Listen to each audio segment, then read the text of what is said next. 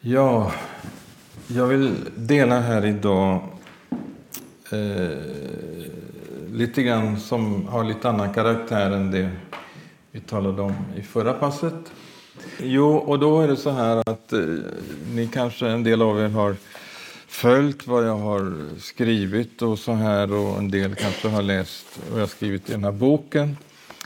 Och eh, jag har skrivit en hel del om det som kallas för ekumenik. Och eh, det händer saker nu eh, just på det området.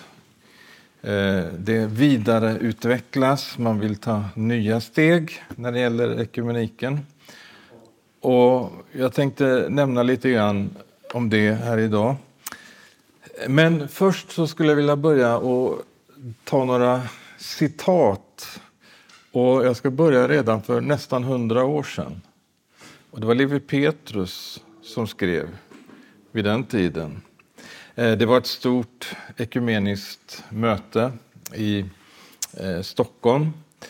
Och eh, han skrev i samband med det så här att Sjökoväsendet det är en stor sammanslutning av kristna samfund på jorden. Och så säger han att eh, det ska bli en stor religiös makt i den yttersta tiden som ska stå som ett stort religiöst tröstverk vid sidan av den stora, det stora politiska tröstverket. Och så säger han också så här att eh, och en dag ska kyrkan, denna stora religiösa federation i världen, bli ett språngbräde för Antikrist den kommer att vara en plattform för vad skriften kallar det andra vilddjuret eller den falske profeten. Och så säger han att det, eh, det ekumeniska mötet är därför ett väldigt tidstecken. Det här var nästan hundra år sedan. Men eh, då fanns det ändå en eh, klarhet eh, i de här frågorna. Åtminstone i pingströrelsen. Den eh, klarsynen har uppenbarligen gått förlorad, åtminstone i samfundsledningen är ju helt uppenbart. Eh, men, eh, eh och, och, och sen så ska jag citera några andra citat här också, men bara eh, med utgångspunkt från det jag sa på eftermiddagen här. Eh, vi talade om vikten av tillbedjan till Gud, men också hur eh, djävulen försöker att tillskansa sig den här tillbedjan. Ehm, vi talar om antikrist. Anti det betyder mot, men det kan också betyda istället för. Istället för Kristus. Och vi har alltså en istället för, en anti-tillbedjan. Och vi har en antiförsamling istället för församling som kallas för ekumenik. Och jag ska förklara det. Nu används det här ordet lite olika så att eh, det, det kanske gäller att, att få klarhet över det också först. Att en del kallar det som egentligen är Andens enhet för ekumenik där man från olika eh, sammanhang liksom förenas på orten och, och bedjarna kommer tillsammans och, och, man liksom är ett i anden och så vidare. Eh, det är inte det vi pratar om nu utan nu talar vi om den här organiserade ekumeniken eh, som väldigt mycket också handlar om politiskt inflytande, det handlar om ekonomi, det handlar om att, eh, att eh, skapa plattformar för att kunna ta emot statliga pengar. Eh, och, och, det finns många sådana här olika eh, Eh, saker som motiverar det här, att man kommer tillsammans. Så att det är inte så här att nu ska vi verkligen tränga in i Guds ord här, nu ska vi komma tillsammans och läsa och se och verkligen få vägledning här tillsammans utifrån ordet. Det är inte det. Det, det är faktiskt precis tvärtom. För att eh, just eh, när man då ska jämka samman alla de här olika eh, eh olika traditioner som då eh, eh en del eh, verkligen är ju, är, är ju bibeltroende och söker i Guds ord, men andra är liberalteologer, det vill säga de tror inte att Bibeln är Guds ord eller möjligen att vissa delar av den kan vara det. Eh, man tror inte på undren i Bibeln och så vidare. Så att man har liksom en väldigt tunn bibel om man säger så. Va? Består bara kanske av några blad. Och, och, eh, så att, och när man då ska jämka ihop det här förstår man ju om man då ska få någon slags minsta gemensamma nämnare, då blir det pyttelitet. Va? Det blir liksom ingenting när det gäller just substansen. Däremot så finns det andra stora frågor som har med ekonomi och kultur och inflytande i samhället och politiken och alltsammans det här. Så att det är mer kan man säga en, en slags eh, eh plattform för, för mm, politiskt inflytande. Man, man, kan göra gemensamma uttalanden och skriva under med olika samfundsledare och alltihop det här. Men jag hittar inte det i Bibeln att det är på det sättet vi ska fungera. Utan, eh, och, och de som vill göra det, okej, okay, gör det. Men jag tror så här, ska vi gå Bibelns väg, då måste vi gå Bibelns väg. Och då får vi klippa band på alla möjliga sätt. Och, eh, jag ska ta ett citat till här. Och då läser jag ur min bok här. Och då har jag tagit med ett eh, citat. Det var min pappa faktiskt för eh, 70 år sedan. Så skrev han det här. Vad är det egentligen för enhet som många kristna eftersträvar? Och vad är det för splittring som de är så kolossalt rädda för? När ska det bli klart för alla enhetssträvare att det finns religiös enhet som är satanisk. Så långt jag kan förstå så är det en livsnödvändighet för en andlig människa att ta helt avstånd från sådana enhetssträvanden. Med förvåning konstaterar vi exempelvis att de flesta kristna numera för att vara toleranta mot oliktänkande prutar av på sanningskravet, följer minsta motståndets lag, anpassar sig efter vilka obibliska företeelser och oandliga miljöer som helst. Därmed tror de sig vara särskilt kärleksfulla och menar att de på eftergifternas väg kan bevara enhet och broderskap. Detta är en genomfalsk grundsyn och vilar på något så bräckligt som mänsklig sentimentalitet.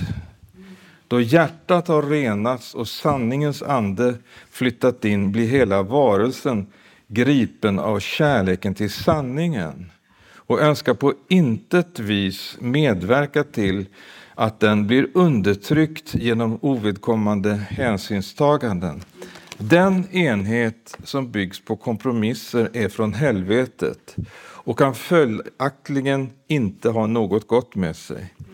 Om anden skulle få tillfälle att utföra sitt verk skulle hela den alliansen störta samman som ett dåligt grundat hus för stormen. Så skrev han för 70 år sedan. Och det är faktiskt lika sant, ännu mer viktigt idag. Ehm, jag ska citera också det var Stanley Sjöberg som, eh, som eh, skrev någonting. Eh, han skrev här att det är nödvändigt att lämna den organiserade ekumeniken, skrev han. Och så, så gav han exempel i det han skrev här på hur diskussionerna kan gå till i de här ekumeniska mötena där man då kommer tillsammans det kan vara bibeltroende, liberalteologer eh, och andra eh, för att liksom samtala. Men alltså, tro och otro kan inte stå tillsammans. Det är bara så enkelt. Och vi har inget där att göra om vi tror på Bibeln. Så, så jag säger, de som på något sätt har koppling till det här, klipp de banden omedelbart på måndag. Eh, och i alla fall, han säger så här. Att eh, då, då är det ett samtal, man sitter och, och eh, man ska alltså ha ett, eh, ett ekumeniskt möte. Och så ska man över det mötet ha ett tema, Jesus är Herre. Och, och då liksom ställs frågan, jaha, men vad innebär det då att Jesus är Herre? Och då får de här olika delegaterna eller eh, ja, representanter för olika samfund svara då att eh, ja, det är någon som då eh, säga,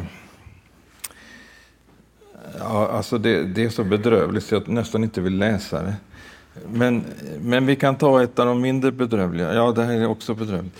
Jesus, Jesus är Herre i en filosofisk mening som ges i berättelserna om vilka ideal han representerar, sa, sa en av dem. Och någon annan sa, jag tror att Jesus är en visionär idé som sammanfattar alla drömmar och förhoppningar som finns om en bättre värld, sa en annan deltagare. Men han kanske aldrig har funnits. Och så, eh, och så vidare någon som talar om att det i Bibeln är nog mest eh, legender och symboliska skildringar av det man ville och hoppas skulle vara sant, men det är nog, eh, men det är nog bra att tro på. Ja, och så vidare och så vidare. Alltså den här typen av, av resonemang. Jag menar, det här är ju hädelse.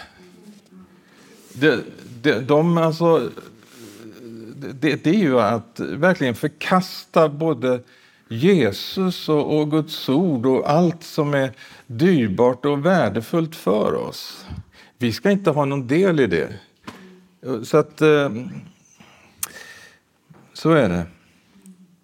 Och då säger Stanley Sjöberg så här, ungefär på det här sättet pågår de ekumeniska samtalen i vårt land. Ekumeniken har fått större betydelse än enheten i tron på Guds ord. Enheten är viktigare än sanningen. Ekumenik blir alltmer en fråga om kompromisser och förkvävd övertygelse. Och så säger han att det har gått så långt nu att det är nödvändigt att lämna den organiserade ekumeniken men därmed fördjupa den personliga gemenskapen med kristna vänner från eh, olika kristna traditioner. Men då måste Jesus vara Herre i den meningen som Bibeln fastställer. Och så, så, det var tre olika citat här. Jag kan ta ett till av Levi Petrus. Han skrev Enhetens berättigande och värde är helt och hållet beroende på vem man är enig med. Enheten har således inget egenvärde i sig själv. Och det är sant. För ibland så talar man om ekumenik som det skulle liksom vara det mest kristna som finns. Vi, man liksom berömmer att vi har ekumenik och då, liksom, då känns det som att då, då, är man lite extra kristen när man har ekumenik med andra. Då, då, vi är minsann inte några sekterister eller några eh, extremister eller fundamentalister eller vad allt de brukar prata om. Men i alla fall, jag, jag vill bara lite kort eh, säga göra en liten sammanfattning av några saker som jag brukar säga ganska ofta. En del har säkert hört mig säga det, men jag säger det ändå här igen för att det, är viktigt att, att ha den här grunden. Ordet ekumenik, det är ingenting som liksom står för något kristet när man läser Bibeln. Däremot så finns ordet ekumenik i Bibeln. Och oikimene, det betyder den bebodda världen. Och det står exempelvis i Lukas 2, julevangeliet. Från kejsar Augustus utgick ett påbud att hela världen skulle skattskrivas. Där står det oikemene. När djävulen frestar Jesus i öknen så, och han visar honom alla riken i världen. Då står det öikemene. Och eh, då Jesus tackar nej till ekumenik vid det tillfället.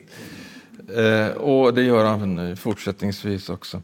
Eh, men eh, i alla fall, eh, det, det, är alltså det är ett ord som helt enkelt betyder den bebodda världen. När Jesus talar om församlingen, han säger så här, ja, vi ska bygga min församling. Det har ni läst, eller hur? Vad är det för ord han använder då? Ja, det är inte oikemene, utan det är ordet eklesia. Och ordet eklesia, det betyder de som har tagits ut.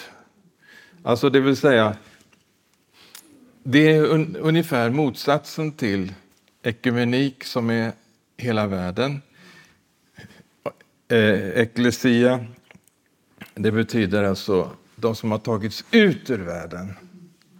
Det är det Jesus bygger. Inte alltihop, utan det är några speciellt. Och eh, då när man har ekumeniska möten så läser man ofta ur Jesu översteprästliga bön i Johannes det 17 kapitlet. Och så missbrukar man den texten totalt. Därför att eh, när Jesus säger att han ber att de alla ska vara ett då måste man ju liksom ta reda på, när Jesus säger alla, vilka är alla? Och det definierar han ju. Kan man bara gå tillbaka lite grann och läsa liksom tidigare i samma kapitlet så ser man ju väldigt klart vilka alla är. Han ber till sin fader och så säger han så här att eh, dessa som du har tagit ut ur världen och gett till mig, säger han. Okej? Okay? Och sen då? Ja, jag har gett dem ditt ord. Och de har tagit emot det. Och de... Eh, eh han säger så här. Eh, de har hållit, jag har uppenbarat ditt namn för de människor som du tog ut ur världen och gav till mig. De har hållit fast vid ditt ord. Jag ber för dem. Jag ber inte för världen utan för dem som du har gett mig, säger han. Kan de inte läsa de här ekumenerna? Det står ju så väldigt klart och tydligt vilka det är han ber om, att de ska vara ett. De har tagit emot ordet och de har hållit fast vid ordet. Så att med andra ord, de alla som ska vara ett, det är de som håller fast vid Guds ord.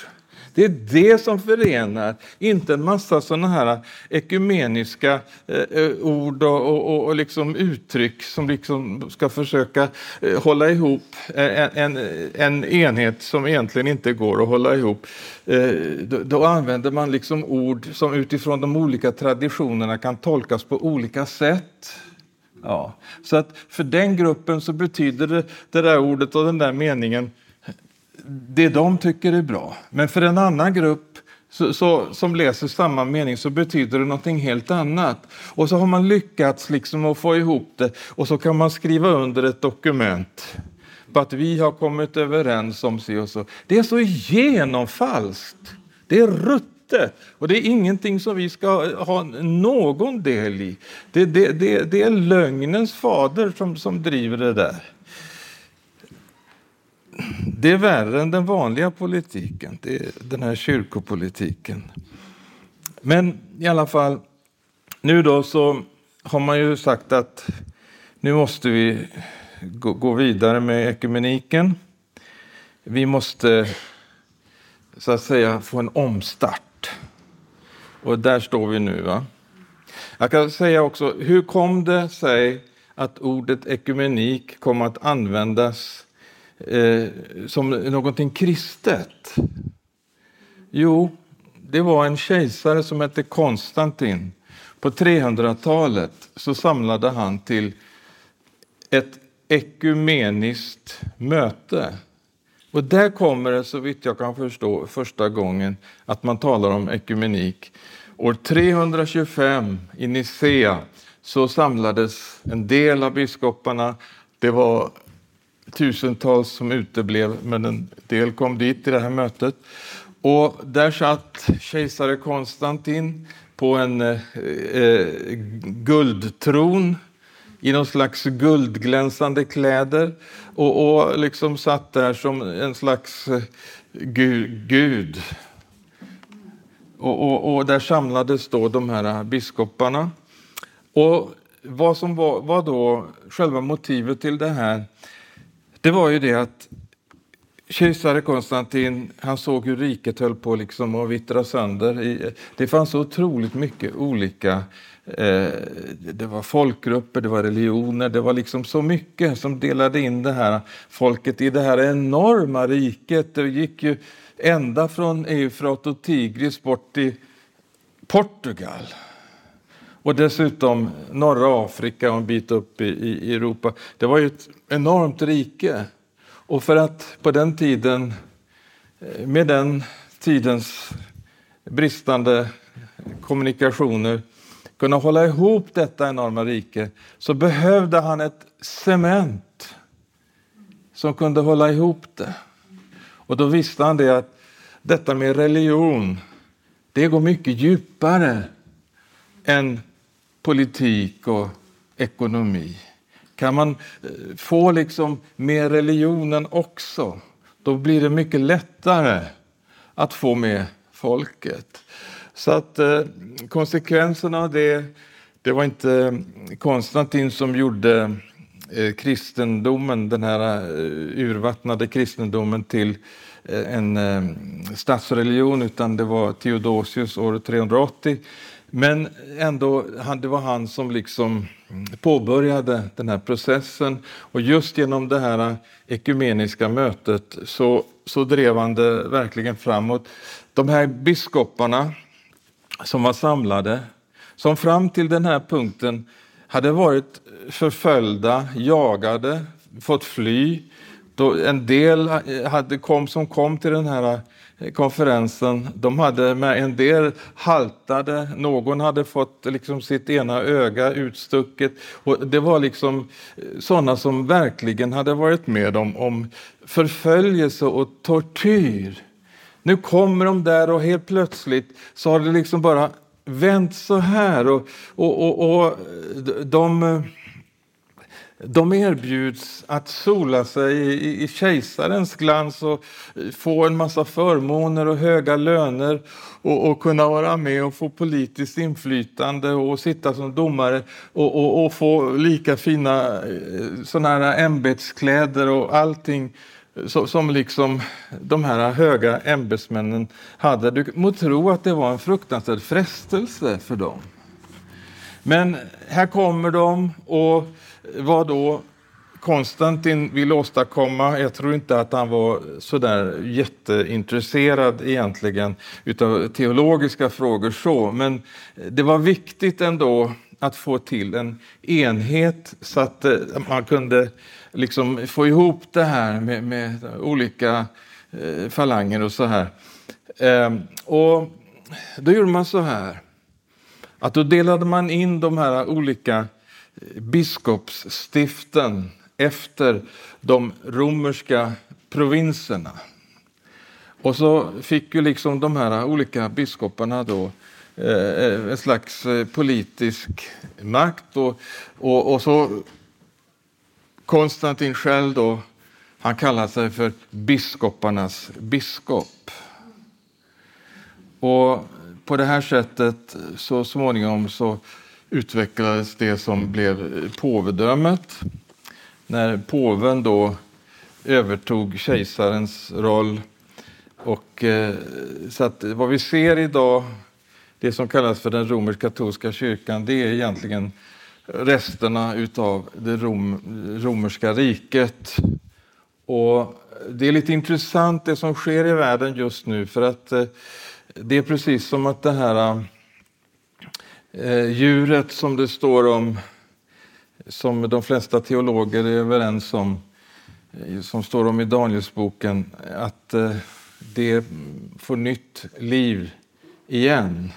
Vi ser att det kommer tillbaka och det handlar inte bara nu om en, eh, en slags religiös makt utan det handlar till väldigt stor del om en, både en politisk och ekonomisk makt eh, som eh, man gör anspråk på och gör uttalanden om världsekonomi och kultur och en ny världsordning och alltsammans det här. Så att eh, vi ser att det går verkligen, profetiorna går verkligen i uppfyllelse.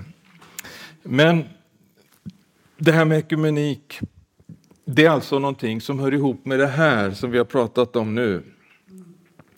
Och det eh, handlar väldigt mycket faktiskt om politik och ekonomi.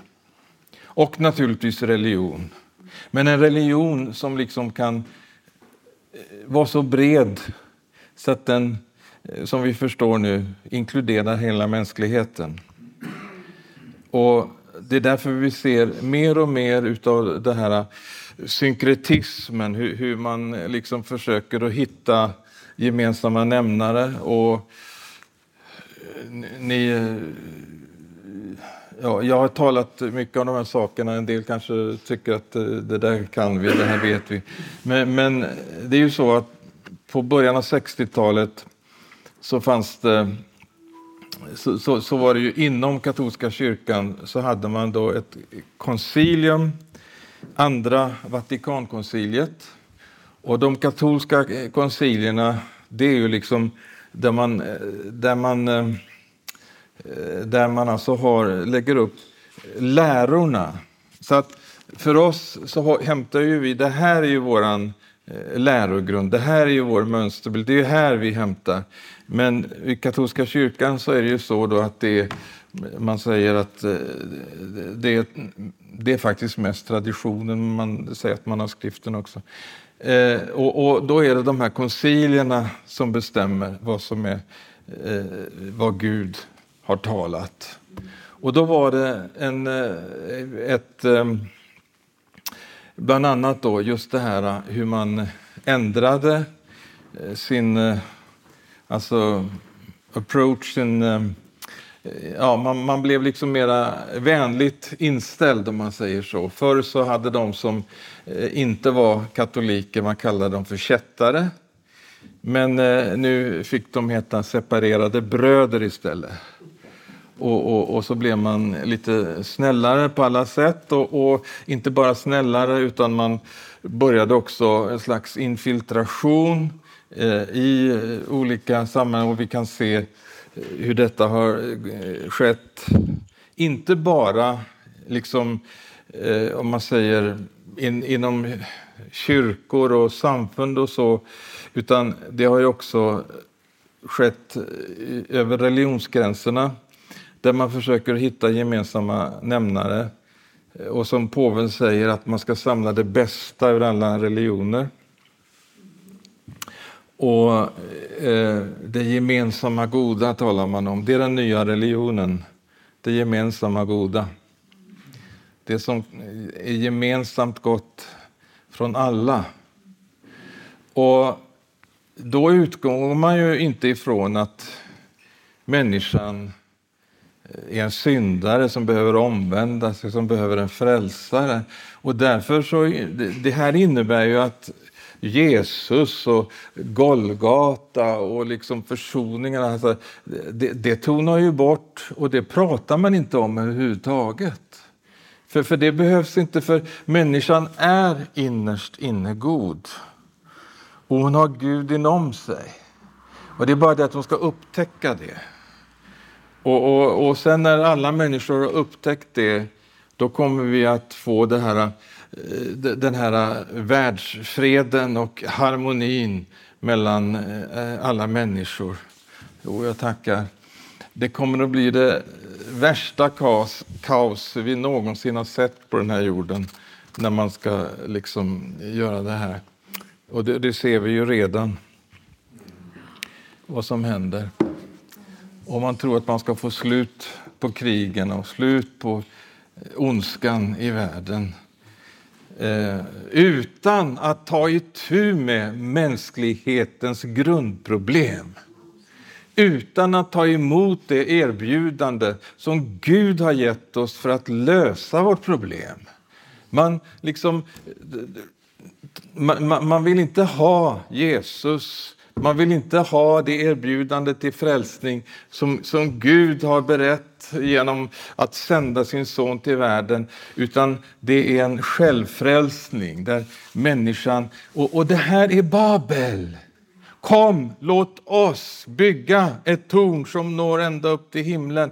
Vi tar och bränner vårt tegel. Vi bygger med det vi har gjort själva. Vi bygger upp, vi bygger någonting. Vi tar det goda här och det goda där och det goda där. Vi bygger. Men så kommer Gud och så bara gör han slut på allt sammans.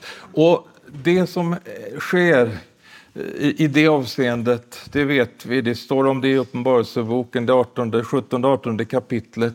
Det står om Babylon där också. Och det står om det katastrofala slut som kommer när domen kommer. Och det står att det sker på en enda timme. Ja. Det går väldigt fort va? när domen väl kommer. Så att eh, Gud varnar verkligen.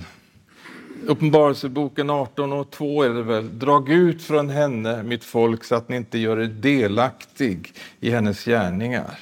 Så att ni får del i den dom som väntar. Så att det är oerhört allvarligt. Det här är liksom ingenting som man eh, kan eh, ha eh, lite olika tankar och idéer om. Det, det, det, handlar om att antingen så ska vi ha Jesus Kristus eller så blir det antikrist. Det är det det handlar om. Och när jag säger att ekumeniken, det är alltså Satans istället för församling som, som vi har anti eller istället för Kristus. Så att hela vägen så har han liksom de här ah, alternativen. För att eh, liksom, han, han, han är en förfalskare. Och en förfalskare försöker ju lägga sig så nära originalet som möjligt och använder man kan använda Jesus namn och man kan eh, tala om den heliga Ande fastän det egentligen är, handlar om onda andar. Man, man säger att man ska förenas. Vi ska inte, eh, det är inte någon, vad säger man, det är inte doktriner, det är inte läror, utan vi ska, det, det ska vara en andens enhet, säger man. Men eh, när man då ska förena med, med alla möjliga sådana här äh, villoläror. Jag har väldigt svårt att den heliga Ande kan trivas i det sällskapet.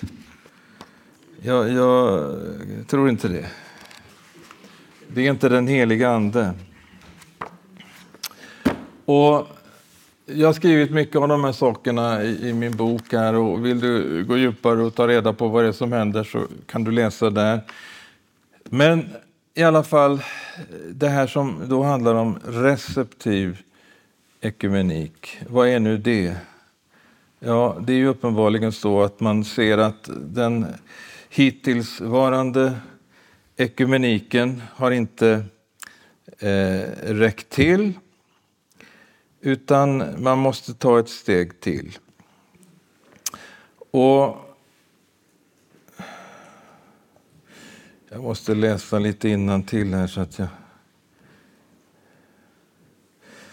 Och då är det så här att eh, den eh, 27 till 30 juni, alltså den här månaden, i slutet av den här månaden, så ska SKR, Sveriges kristna råd, ha en, en konferens där man alltså sjösätter det här nya som kallas för receptiv eh, ekumenik. Och så här säger man.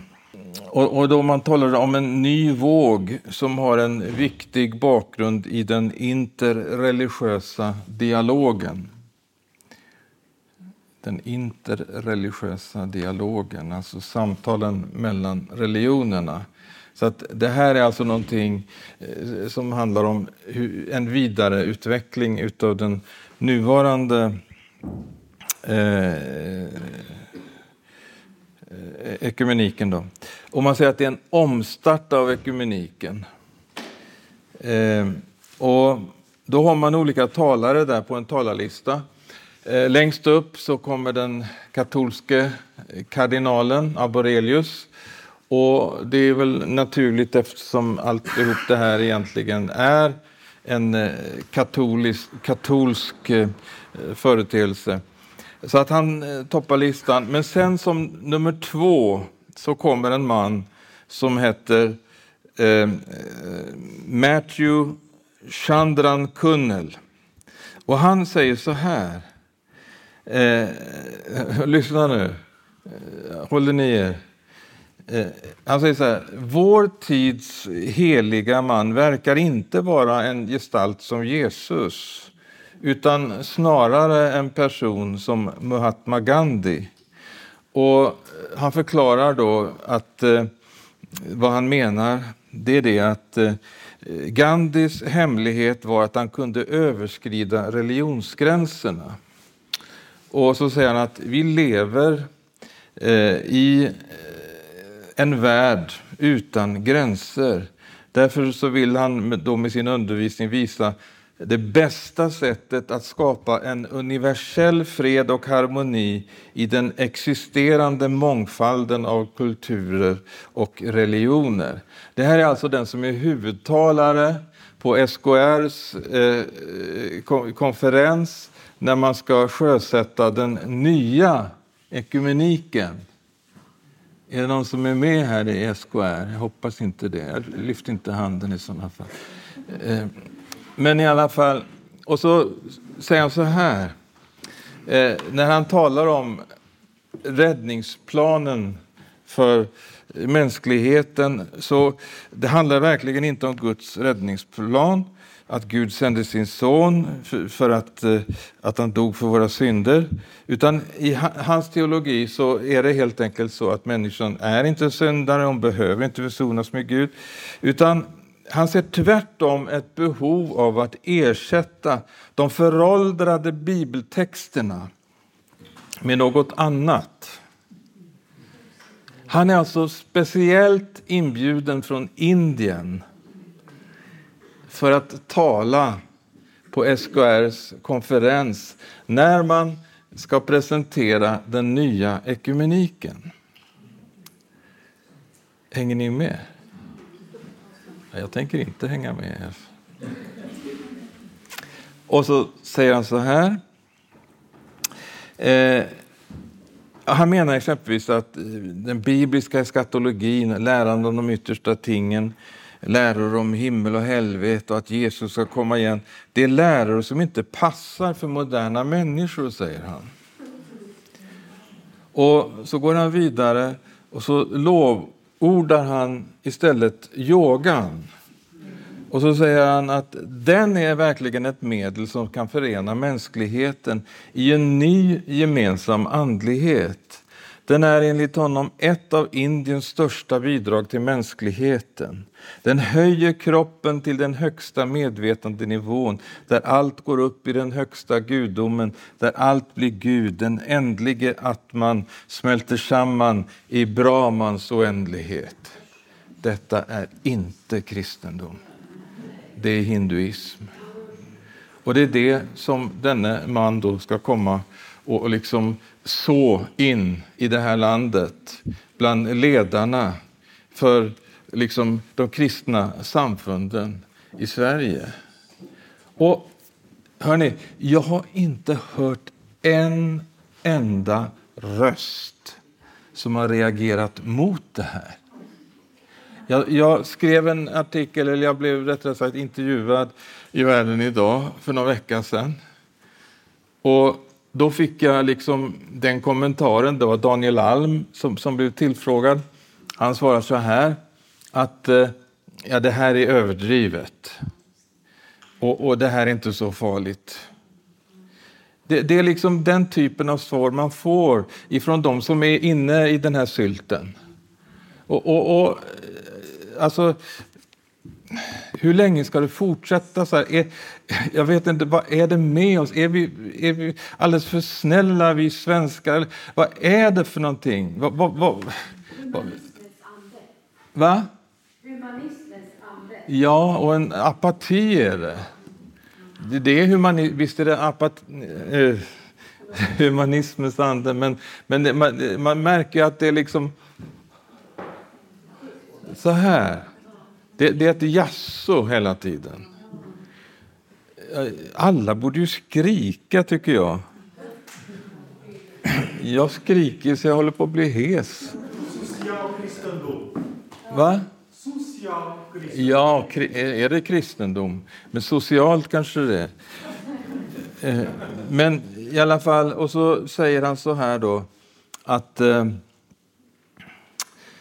eh, Ja, och hans ämne på konferensen, The Wider ekumenism. Och vad är det för någonting då? En bredare ekumenik? Ja, det är väl någonting av det här eh, vi har eh, läst här då. Men eh, en av hans katolska bröder, teologen Peter C. Pan, han säger, förklarar att den bredare ekumeniken handlar om att gå från en ekumenik enbart baserad eh, på kristna kyrkor till en bredare och större harmoni mellan världsreligionerna. Och lyssna nu, det här är ju fruktansvärt. Det är nog det värsta ikväll i alla fall. Det innebär också att överge alla anspråk på kristendomens och Kristi unika och absoluta överlägsenhet till förmån för en värld av rättvisa och frihet. Detta är helt fruktansvärt. Och, och det här folket blir speciellt inbjudna. Va? Man skulle jaga dem till, till, till, till landets gräns, höll jag på att säga. Ut ur landet. Jag har inget här att göra. Vi har inget att lära från er. Och så att eh, han, han säger så här eh, att eh, och den andra talaren på listan, han heter Paul D. Murray. Och han vill utveckla förståelsen för frälsning inom icke-kristna religioner. Alltså, om man tittar på den här listan med talare som är speciellt inbjudna. Av, av tiotusentals personer som skulle kunna vara talare på en konferens som SKR eh, liksom arrangerar så har man valt just de här, verkligen handplockat de här eh, som verkligen har någonting att säga in i vår situation i Sveriges kristna råd. De är handplockade därför att de är verkligen de som har det som man liksom vill nå fram till. Och då vill man ha deras draghjälp att kunna argumentera för det som kan vara lite svårt